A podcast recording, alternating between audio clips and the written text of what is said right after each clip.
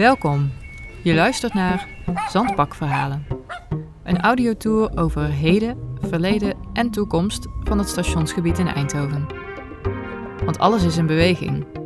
De stad zelf, de mensen die er wonen en ja, die trein nu dus ook. Aflevering 4. Buitengewoon. In nieuwsberichten over de ontwikkeling van het stationsgebied gaat het vaak over de nieuwe gebouwen die er komen te staan. Maar wat gebeurt er eigenlijk met de ruimte ertussenin? Het eerste interview van deze aflevering is daarom ter plekke opgenomen, buiten op het stationsplein. Dit is namelijk het startpunt van de straatroute, een stadswandeling door de jungle van beton.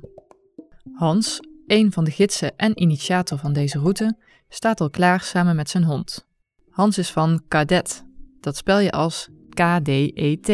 Ja, wij staan voor uh, de dak- en thuislozen. Klankbordgroep dak- en thuislozen. Dat is de volle benaming zeg maar, van Cadet. Cadet organiseert dus onder andere de straatroute. Een wandeling waarbij je de stad door de ogen van een dakloze of ex-dakloze leert kennen. Ik zal eh, uitleggen waarom we de straatroute hebben bedacht. Omdat wij vanuit Cadet uh, gingen wij uh, spreekuur houden op inloophuizen, dag- en nachtopvangst. En personeel en onze mensen stonden heel ver van elkaar. En vooral wanneer er met sancties werden gegooid, want er werd toen de ene naar de andere sanctie viel. Zo'n sanctie wil dus zeggen dat iemand niet meer welkom is in de opvang. Niet echt een oplossing voor wie geen huis heeft. Ja, daar hebben wij dus die route voor bedacht. En toen hebben wij als eerste personeel van de nachtopvangen hier in Eindhoven meegenomen. En uh, dat was voor hun een heel eye-opener. En uh, we kregen toen ook gesprekken met die mensen die je anders niet hebt. De straatroute is ontstaan zodat anderen zich beter kunnen inleven in deze situatie. Want er bestaan nog een hoop vooroordelen over dakloze mensen. kijk, je hebt daklozen en daklozen. Kijk, je hebt mensen die komen op straat die zijn economisch dakloos geworden. die hebben een bedrijfje gehad, failliet. Een vervelende vrouw gehad die, eh, die eruit is genaaid met de kinderen, noem maar op. Die komen op straat en als die hier drie zitten, dan worden die toch over dezelfde kam geschoren als het zwiebertje effect. waar veel mensen denken van mensen, van hoe daklozen eruit zien. Dus ja, dat vind ik toch wel een beetje jammer. Er wordt geen onderscheid gemaakt. Is voor zo'n team die hier het station zeg maar, in de gaten houdt lastig om een onderscheid in te maken. Maar er is geen communicatie meer. En waarom begint de straatroute hier op dit plein? Nou, wij spreken hier altijd af met de mensen om de route te starten. En wij lopen eigenlijk hier meteen van het station weg. Uh, het station is geen dakloze vriendelijke plek. Uh, we worden opgejaagd. Dus vooral de laatste tijd is dat weer heel erg gaande. Er staan nergens geen bankjes meer. Ja, eentje daar bij een bushalte. Dus wij worden hier geweerd uit de stad. Wij zijn een doorn in het oog. En ja, ik vind dat eigenlijk wel een beetje jammer, want wij zijn ook mensen. Maar wij zijn hier niet echt welkom. Nou, dat klinkt niet echt prettig. Ik kan het mezelf moeilijk voorstellen dat ik niet zomaar ergens zou mogen zitten. Gelukkig zijn er ook mensen die het anders aanpakken. Bijvoorbeeld Jeroen, een van de eigenaren van Koffielab. Koffielab is het koffietentje dat tot voor kort midden op het plein in het oude VVV-gebouwtje gevestigd was. Ik sprak met hem over hoe het is ontstaan en wat de belangrijkste basiswaarde is die eraan ten grondslag ligt. Ja, echt de gastvrijheid. En dat klinkt natuurlijk als een dooddoener als je het over een horecabedrijf hebt. Maar wij vonden onszelf wel echt de gastheer van het stationsplein. Naar de toeristen toe, of de dagjesmensen.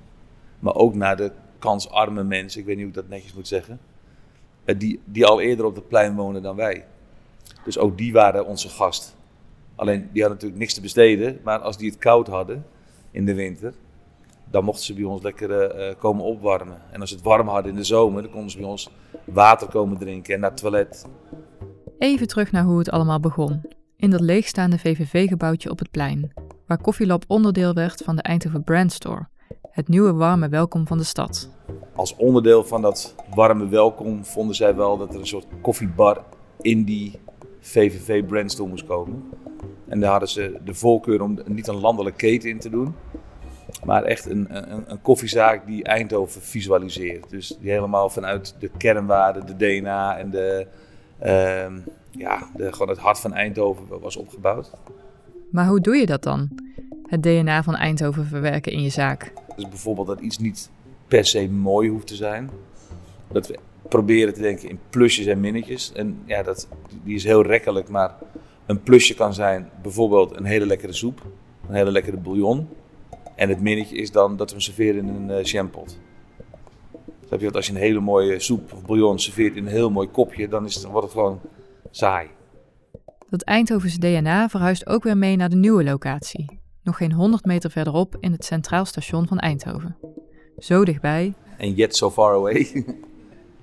ja, wat we hier proberen is, um, het gaat er hier niet om wat we hier doen, maar wat we hier komen doen. Zo voelt het voor ons een beetje. Dus ja, als je in het pand staat en je kijkt zeg maar, door die grote ramen de stad in, dan is dat wel de kant die we op willen kijken. Een gemiddelde Eindhovenaar komt niet snel op station. Als jij niks, niks met de trein doet, dan ga je niet voor je lol even naar het stationsplein wandelen. Dat is buitengebied.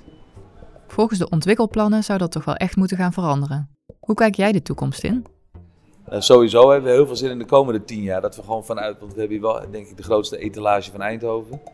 Dat dit wel een ideale plek is waar, waar je dit gebied kan, kan zien veranderen straks. Van de eerste palende grond tot en met uh, uh, het hoogste punt. Daar, daar, kijken wij wel naar uit. En ja, als je de maquette ziet en de tekeningen en de plannen ziet en om ons heen ontstaan zoals van die megatorens. Kijk, als je nu in dit stationsgebouw zit, dan denk je, nou, het is redelijk groot. Maar als je dit, dit poppendingetje straks tussen al die grote joekels ziet staan, dan is dit weer zo'n klein clubhuisje of zo. Of iets wat er altijd al was tussen al het nieuwe. En dan misschien dat we dan in, vanuit deze zaak gewoon wel weer diezelfde uh, vibe kunnen creëren die we, die we voorheen daar deden. Iemand die ook graag vooruitkijkt is Elma. Zij is een van de oprichters van het bedrijf SUS, dat werkt aan ruimtelijke opgaven, landschapsarchitectuur en urban planning. Ik spreek haar digitaal over de inrichting van het nieuwe Stationsplein, een project waar ze al een tijd aan werkt. En ik zie wel overlap met de visie van Jeroen op wat nu eigenlijk de openbare ruimte is. Wij vinden eigenlijk dat de openbare ruimte, die, die stopt niet aan de rooilijnen van een gebouw. Dus als een gebouw landt, dat, dan gaat, dan gaat die openbare ruimte, die, die gaat door naar binnen toe. Die overgang tussen privé en publiek die is uh, niet zo zwart-wit als een schutting, zeg maar. Hoe zijn jullie ooit begonnen met deze buitenruimte? Wij hebben samen met uh, Amvest en Powerhouse hebben gezamenlijk de visie Stationsplein Zuid uh, gemaakt, uh, District I. en de stad Eindhoven heeft toen ons plan gekozen om uit te gaan voeren. Het ontwerp van ZUS zit momenteel tussen twee fases in: het concept en de uiteindelijke uitwerking. Na het winnen van de tender is veel tijd gaan zitten in het helder krijgen van de gestelde kaders. Eind 2020 worden de plannen herijkt en verder toegespitst tot een definitief ontwerp. Het is nu nog moeilijk te zeggen hoe dat er precies uit gaat zien, maar de belangrijkste uitgangspunten blijven natuurlijk wel overeind.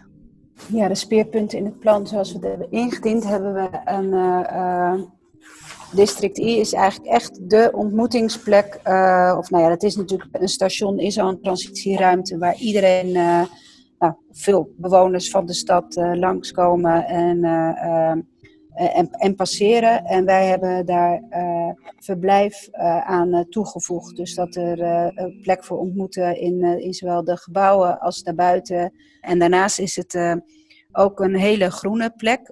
Als je het stationplein uit gaat lopen in de toekomst, dan kom je eigenlijk gelijk onder een groen dak van bomen neer. Een van onze speerpunten was ook het klimaat.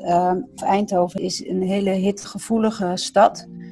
Omdat er heel weinig groen in zit. Dus daar, daar hebben we eigenlijk ook echt de boomsoorten die we hebben uitgezocht. Die worden ook wel eens klimaatbomen genoemd. Dus die uh, die, die kunnen gewoon de temperatuur naar beneden gaan uh, brengen. En in plaats van dat het nu eigenlijk een transitieruimte is, willen we dat het in de toekomst door de, door de, door de zitgelegenheden die er zijn, maar ook de, de planten. En, dus dat, het, het, wordt een hele fijne, in onze, in onze visie die we hebben neergelegd, een fijne plek om te verblijven. Hopelijk geldt dat straks voor iedereen. Hans van Cadet vertelt me dat voor dakloze mensen kleine aanpassingen al een groot verschil kunnen maken. Alles maar een ijzeren keertje, snap je? Waar, waar ze in kunnen staan, uit de wind. Ja, dat is al zat. Want ik stond, hier, ik stond vroeger altijd hier bij zo'n rooster. En uh, ja, het is er ijskoud. Ja, dat rooster is van ijzer, dus als je daarop zit, nou, eh, je vriest je billen. Maar ja, dat was, uh, ja, dat was dan een plek waar ik dan kon zitten op tijd. Omdat ik dan, was, dan was ik droog. Maar het hogere doel van Hans is natuurlijk verschillende mensen met elkaar verbinden. Ja, kijk, het zou ideaal zijn. Kijk, je hebt hier, uh, kijk, je hebt hier een domushuis, je hebt hier een nachtopvang, die gaat trouwens ook verdwijnen. Maar dan zou eigenlijk in de stad, buiten de kerk om, zou er eigenlijk ook een, een, een, een inloopje moeten zijn. Ja, dan niet speciaal gericht voor alleen daklozen, waar alle mensen een beetje, beetje kunnen komen. Hè, waar het onderscheid niet wordt gemaakt tussen uh, iemand die gewoon naar zijn werk gaat of iemand die uh, vanuit de nachtopvang uh, ja, zijn route gaat lopen hier elke dag. het, wordt, het, wordt heel, het wordt heel ver uit, elkaar gehouden. En wij zijn altijd heel erg bezig geweest, ook met deze route, om dat zeg maar, in elkaar te, te, verweven, de verbinding aan te gaan. Ja, kijk, hier in de binnenstad is, is het moeilijk ja, om die verbinding uh, tot stand te, te krijgen.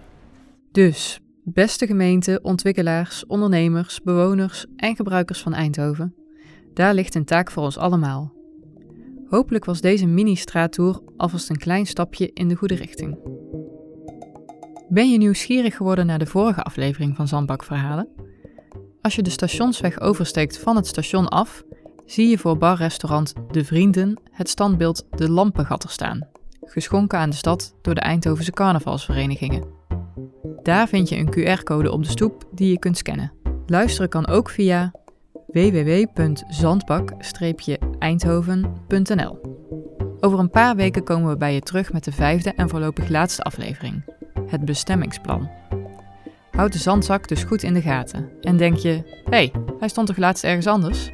Dan zijn er dus weer nieuwe verhalen te beluisteren. Houdoe!